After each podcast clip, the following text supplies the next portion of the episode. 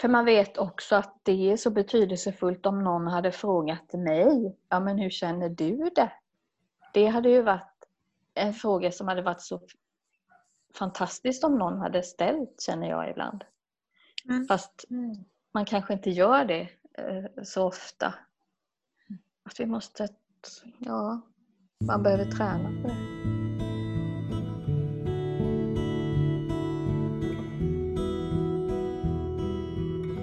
Det här är en podd som görs av NKA, Nationellt kompetenscentrum anhöriga. NKA är en verksamhet som arbetar för att utveckla anhörigstödet i vårt samhälle. Och vi vänder oss till alla anhöriga, oavsett ålder, sjukdom eller funktionsnedsättning. Vi arbetar på uppdrag av Socialdepartementet och i nära samarbete med Socialstyrelsen. Organisatoriskt tillhör vi Region Kalmar och flera av medarbetarna hos oss har också en anställning inom forskningen på Linnéuniversitetet. En del i vårt uppdrag är att sprida kunskap om anhörigas situation och det är det vi vill göra med denna podd. Ett område som NKA har i uppdrag att särskilt bevaka det är anhöriga till personer med flerfunktionsnedsättning. Och det är utifrån detta område som NKA-poddens första avsnitt har utformats. NKA erbjuder samtalsgrupper för anhöriga till personer med flerfunktionsnedsättning och i en av de här grupperna samlades tre kvinnor, Vanja, Pia och Eva, som alla är mor eller farförälder till ett barnbarn som har en funktionsnedsättning. Jag som pratar nu och som leder samtalen i de här poddavsnitten heter Mona Pil och arbetar som möjliggörare och praktiker på NKA. Jag var också samtalsledare i den samtalsgruppen som träffades för första gången för snart ett år sedan. Och det var när det var dags att avsluta den gruppen eh, i början av det här året som vi alla kände att vi ville låta fler ta del av den samlade erfarenhet och klokskap som delats i gruppen. Kanske är det någon av er som lyssnar nu som känner igen er i det som berättas eller kan ta vara på erfarenheter som Pia, Vanja och Eva delar med sig av och sätta in det i det sammanhang som just du befinner dig i.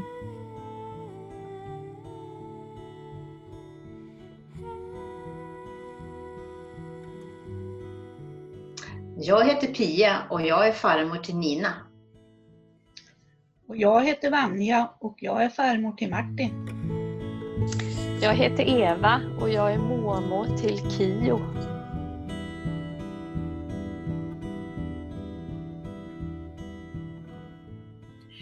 Hej igen Eva, Pia och Vanja. Nu ses vi igen efter sommaren Eh, och idag har vi tänkt att prata om ämnet det egna ansvaret och andras ansvar. Och den här balansgången som det innebär att finnas nära till hands och erbjuda hjälp och stöd till sina barn men utan att lägga sig i och frånta barnet det egna ansvaret och kompetensen. Och som en inledning till det här samtalet så har jag bett dig Eva läsa ett stycke ur boken Annorlunda barnbarn som är skriven utav Monica Klasén Makrat. Att ge och ta emot hjälp. Det finns många aspekter på att vara ett stöd för sitt vuxna barn och hans eller hennes familj. Dels måste man veta hur mycket hjälp och stöd man själv orkar och är beredd att ge. Kanske är det också det första man bör ta ställning till innan man erbjuder sig eller förbinder sig till något man sedan inte klarar av att leva upp till. Dels är det inte sagt att det vuxna barnet vill ta emot ens hjälp. Det kan upplevas som väldigt svårt att be om och ta emot hjälp. Det är en konst att erbjuda hjälp utan att samtidigt underkänna den andras förmåga eller prestationer. Det är en fin gräns mellan att erbjuda lagom stöd och hjälp och att bli för påträngande i sina omsorger, något som kan uppfattas som kritik. I det här fallet är det särskilt känsligt då det handlar om det vuxna barnens förmåga att klara av sitt föräldraskap och sin vardag. Det är en balans mellan olika parters önskningar, behov och känslor som det kan ta tid att finna. Och Det här hittade jag i den här boken Annorlunda barnbarn som vi har pratat om tidigare. Och jag tycker att det här stämmer mycket kring hur jag har tänkt kring det här. Jag vet inte vad ni andra tänkte när jag läste.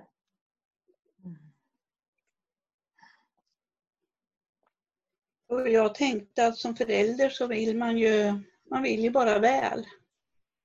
Eh, man lägger sig i, men det är ju inte att man eh,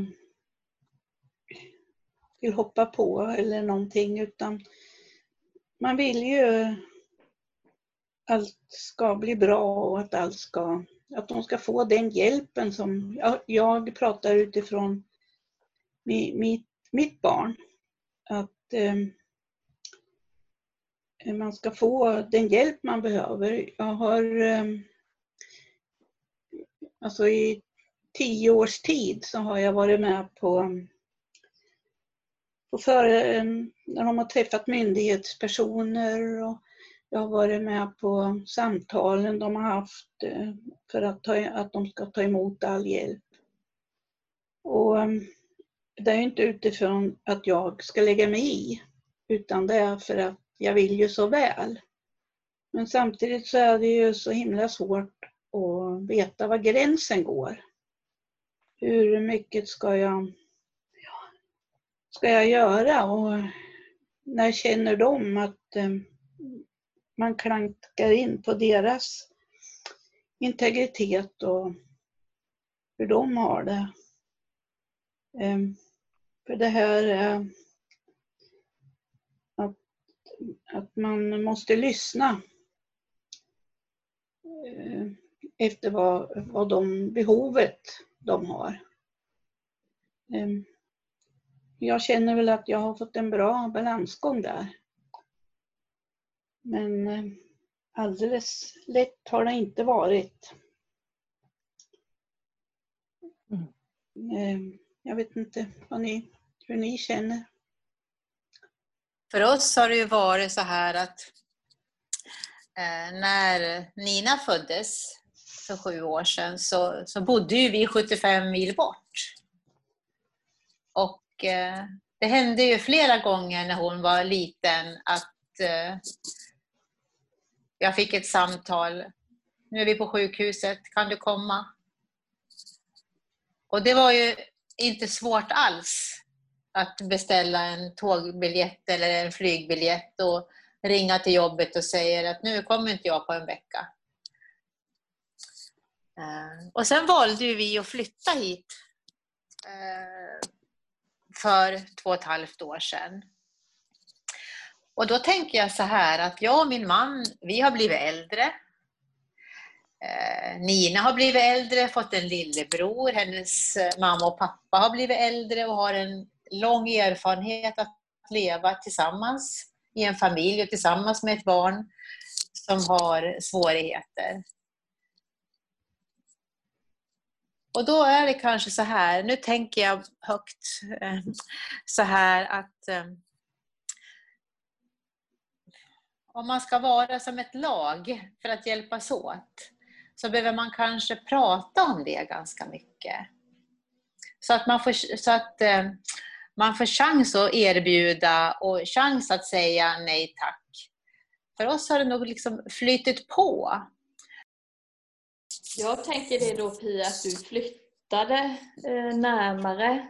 För den tanken har ju föresvävat mig många gånger. Eh, det är ju, ja vad blir det, 25 mil emellan.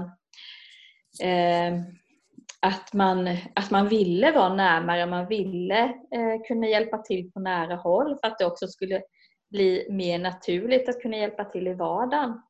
Nu i och med att jag fortfarande jobbar så har det ju blivit mer att man har åkt dit då på helgerna, kanske några extra dagar i förhållande till helgen. Och då blir det ju väldigt intensivt på ett annat sätt. Det blir inte den där vardagen som man har velat vara delaktig i.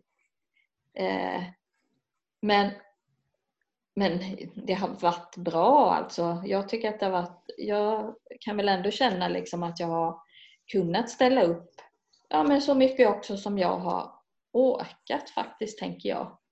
För i början tänkte man sådär, nej men jag borde kunna åka dit, ja, varannan helg eller men sen bestämde jag att ja, men en gång i månaden det kan nog vara lagom eller var sjätte vecka eller så. För att kunna ja, ta hand om sig själv också. För att jag kunde känna när jag satt på tåget hem ifrån Göteborg, då var jag helt tom. För då hade jag liksom dels att, att eh, eh, leva så nära några människor som man inte är van vid att leva så nära då. Och intensiva dagar. Och också veta då den här eh, känslan, ja men ska jag hjälpa till med det eller ska jag hjälpa till med det och sådär. Men då har ju de också varit ärliga. Ja, men eh, du kan väl göra det idag eller kan du hjälpa Kio med det och så vidare. Och det tror jag också har underlättat för oss alla att man liksom har haft den där dialogen. Mm. Mm. För jag kan ju lite ha velat komma dit och ja, men jag kan hjälpa till att diska. Men för dem har ju det varit ganska skönt att få stå och diska mm. i fred. Mm. Eller laga mat. Utan då, ja men du, du kan leka med barnen. Ja, jo men absolut. Om det är det som avlastar er så, så hjälper jag ju jättegärna till med det förstås. Mm. Mm. Och också få lära känna Kio och hans eh, stora syster ännu mer förstås. Mm. Det har jag också känt så starkt att Ninas mamma och pappa, det är de som någonstans förstår och vet hennes behov.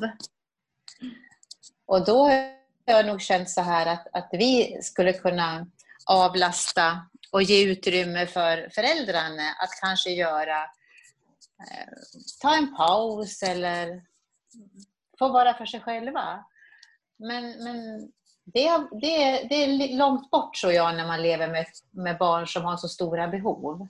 Det är svårt att sätta sig, sätta sig själv eh, först. Så det, det är någonting som jag har, har förstått att eh, det funkar inte. I alla fall inte i, för vår familj.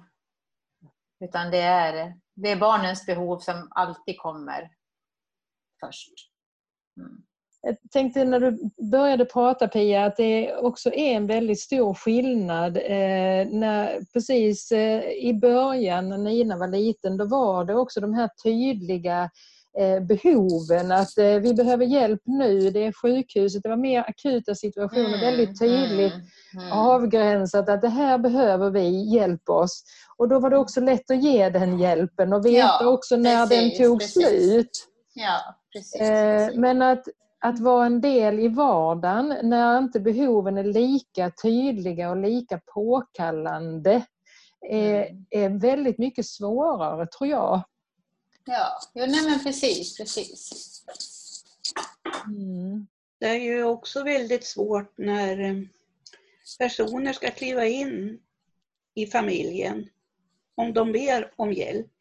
I det här mm. fallet kan det kan vara god man eller eh, boendestöd eller någonting. Och då kommer de som proffs som kliver in i föräldrarnas liv och och börja ha åsikter om hur de, hur de lever. Och de, de kan liksom inte vara privata. Mm. Eh, de kan ha åsikter om hur de lever och, mm. och andra val som de gör. Mm. Och det är jättejobbigt och då tycker jag att man som förälder då till dem har kunnat hjälpa dem väldigt mycket. Mm. Ja, jag tänkte det lite du sa där med, med alltså professionella som kommer in i, mm. i, i familjen. De blir ju väldigt beskådade hela tiden, våra eh, barns familjer. Mm. Eh, utav sjukvård, utav habilitering och så vidare. Men jag tänker också på min egen yrkesidentitet som dietist att ibland får jag ju hålla i mig i det också, att man inte att jag vill ju inte vara dietist eh, Eva som kommer och, och har åsikt om att ja men Kio kanske kunde äta det där så han skulle bli lite få lite mer hull eh, för han är ganska smal. Eh, men, men det får man ju också passa sig för så att man inte blir för nej, och bara vara mormor till honom. Mm. Tänkte du läste en viktig sak i det du läste ur texten ur Annorlunda barnbarn, Eva. Eh, eh, att det är, det är svårt att erbjuda hjälp utan att underkänna. Eh, nå, någonting så. Och det tänkte jag, det tror jag var en väldigt viktig sak för det han, och det tänker jag också är oavsett om man erbjuder hjälpen som mor, och far, mor eller farförälder eller annan, annan släkt eller anhöriga eller om, om det handlar om att erbjuda hjälp från, från, som dietist på habiliteringen eller som boendestödjare eller som kontaktperson eller vad det nu är. Att, eh, att erbjuda hjälp och samtidigt eh, eh, vara uppmärksam eller intyga personernas kompetens eller lyfta personernas kompetens. Mm. Det vill säga motsatsen till att inte underkänna deras kompetens. Mm. för det tycker jag kan vara svårt. För att jag menar, de har ju olika träningsprogram för KIO. Att, att eh, ja, men han ska ha sin ortoser på sig en viss tid under dagen och man ska göra olika övningar och sånt där. Och om, ibland frågar man kanske lite sådär, ja men äh, hinner ni det? Och det, det, vad heter det säger man ju inte på något elakt sätt men de kan ju liksom tycka, ta det som kritik då. Att, ja, men hur, ja, då kan man liksom, ja men hur tror du att vi, vi, vi ska hinna med allting som habiliteringen tycker att vi ska göra med KIO? Mm. Det finns ju inte möjlighet. Nej, och det förstår ju jag också att det finns inte det. Nej. För att det är så mycket. Jag bara tänker förra veckan, då var ju Kio hos mig några dagar. Och jag ska ju vara hans, ja, men hans händer och fötter och hans, mm. jag ska vara hans röst eftersom han inte kan prata. Så ska jag liksom förstå hans tecken som stöd och som han gör på sitt sätt utifrån sin CP-skada. Och det lever ju de med hela tiden att liksom klara av det. Mm. Och sen var ju kusinen eh, som är tre samtidigt eh, och jag menar, henne kan man sätta ner på golvet och sen så springer hon iväg och gör någonting. Men Kio, ja, jag får sätta honom någonstans då. Eh, ja, så det...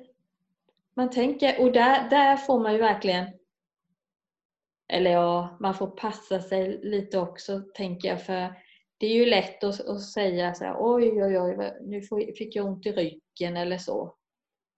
Det vill man ju inte. Alltså man, man det blir ju också någon slags kritik på dem att jaha, Kio är lite jobbig, man får bära på honom hela tiden.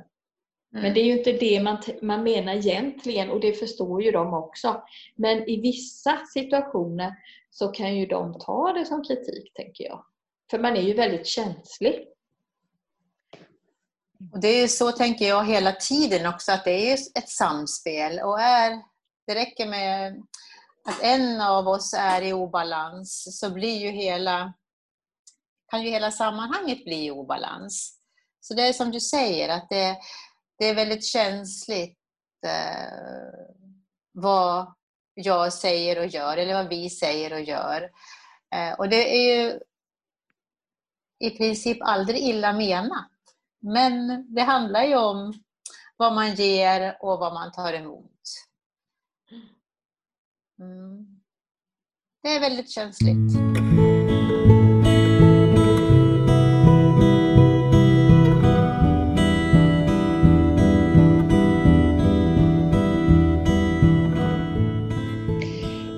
Sa Vanja tidigare att, du, att det är, vi pratade om det här med att det är en balans och mellan att erbjuda och, men då, då tror jag du uttryckte att, eh, eller har sagt att ni har hittat den eh, alltså, Nu känner du att eh, ni har hittat den balansen och att de ber om hjälp och du erbjuder och ni hittar mm. liksom Eh, hur, hur, hur har ni hamnat där tror du? Vad, vad är det som har varit framgångsrikt för er?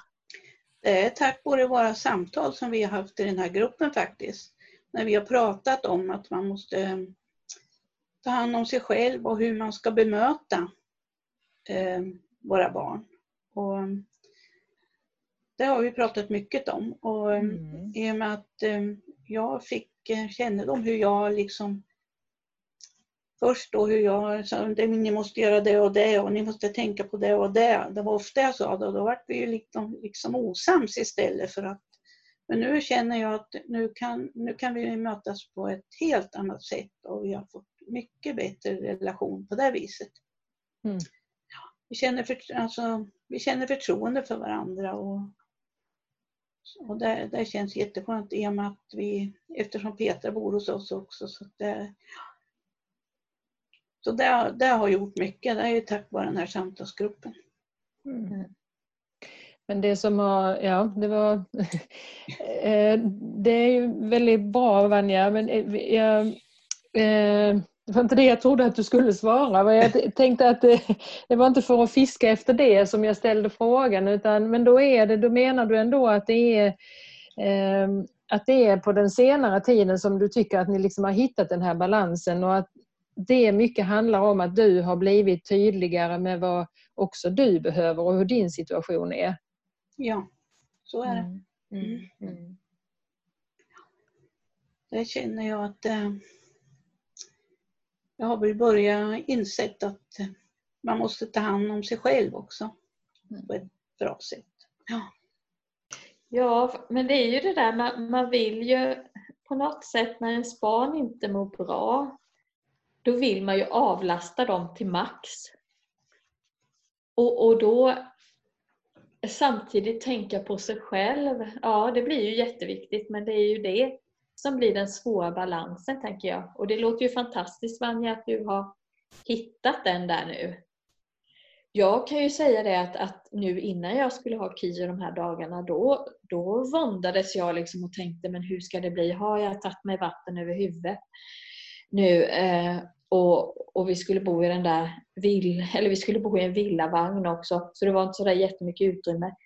Men sen när man har gjort det där efteråt då har man ju fått så himla mycket positivt också. Mm. Mm. Alltså det där eh, stunderna med, med Kio liksom när man känner att man, ja, man, man når varandra så nära. Trots att man inte kan prata med varandra eller så då på samma sätt som man är van vid utan att det blir på ett annat sätt. Men så att det, det är ju så mycket glädje som man får tillbaka också. Men jag måste ju också säga det att, att jag kan ju tycka nu då under våren när man inte har kunnat resa så mycket. På ett sätt så har ju det också varit att man har fått lite distans till det här då att man faktiskt har saknat dem jättemycket. Så jag hoppas ju verkligen att hösten här kommer att bli annorlunda så att man ändå kan få till något schema igen. För, för det tyckte jag hjälpte mig mycket när vi hade kommit överens om att ja, men vi försöker träffas var fjärde, var sjätte vecka. För innan när det var outsagt, då blev det liksom, då hade jag nog mer press på mig att ja, men, ja, men jag, borde, jag, borde, jag borde åka dit oftare, jag borde åka dit oftare. Men sen när vi väl då hade bestämt att ja, men nu gör vi ett schema för hela den här terminen så att säga eh, och bokade in tågresor och så, då blev ju både ja, jag blev lugnare och jag tror att det blev tydligare för dem också att ja, men det här är vad, vad mormor, mamma orkar med också. Mm. För det är väl just det där när det är, inte är uttalat, då blir det ju svårare också att relatera till, tänker jag. Alltså om man, om man går och tänker på vardera håll, eller jag, jag tänker att Emlan tänker si eller så, att ja, men mamma borde komma hit oftare.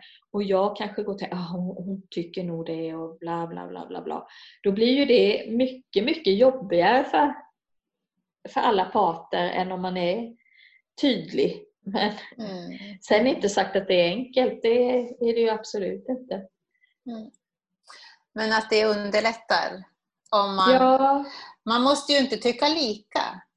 Nej. Utan det handlar, det handlar ju om att få till en balans som funkar. Eller hur? Vi, är ju, vi är ju olika. Vi, har, vi, vi är olika åldrar, vi har olika behov. Men att hitta den där balansen, då tänker jag, då blir ju livet enklare. Jag tror att det var du Vanja som sa här tidigt att eh, man vill ju bara väl och det är, det, Mm. så är det ju. Som förälder vill man bara väl och man vill skydda sina barn och man vill att det ska när det är saker som är svåra så vill man hjälpa till och göra det, om det går, att göra det mindre svårt. Man vill ju förstås inte eh, vare sig skada eller strö salt i såren. Eller, utan man vill ju följa och, och att det ska bli så bra som möjligt Mm. förstås. Men, men eh, det är också det en stor utmaning. slutord. Ja. Ja, tack.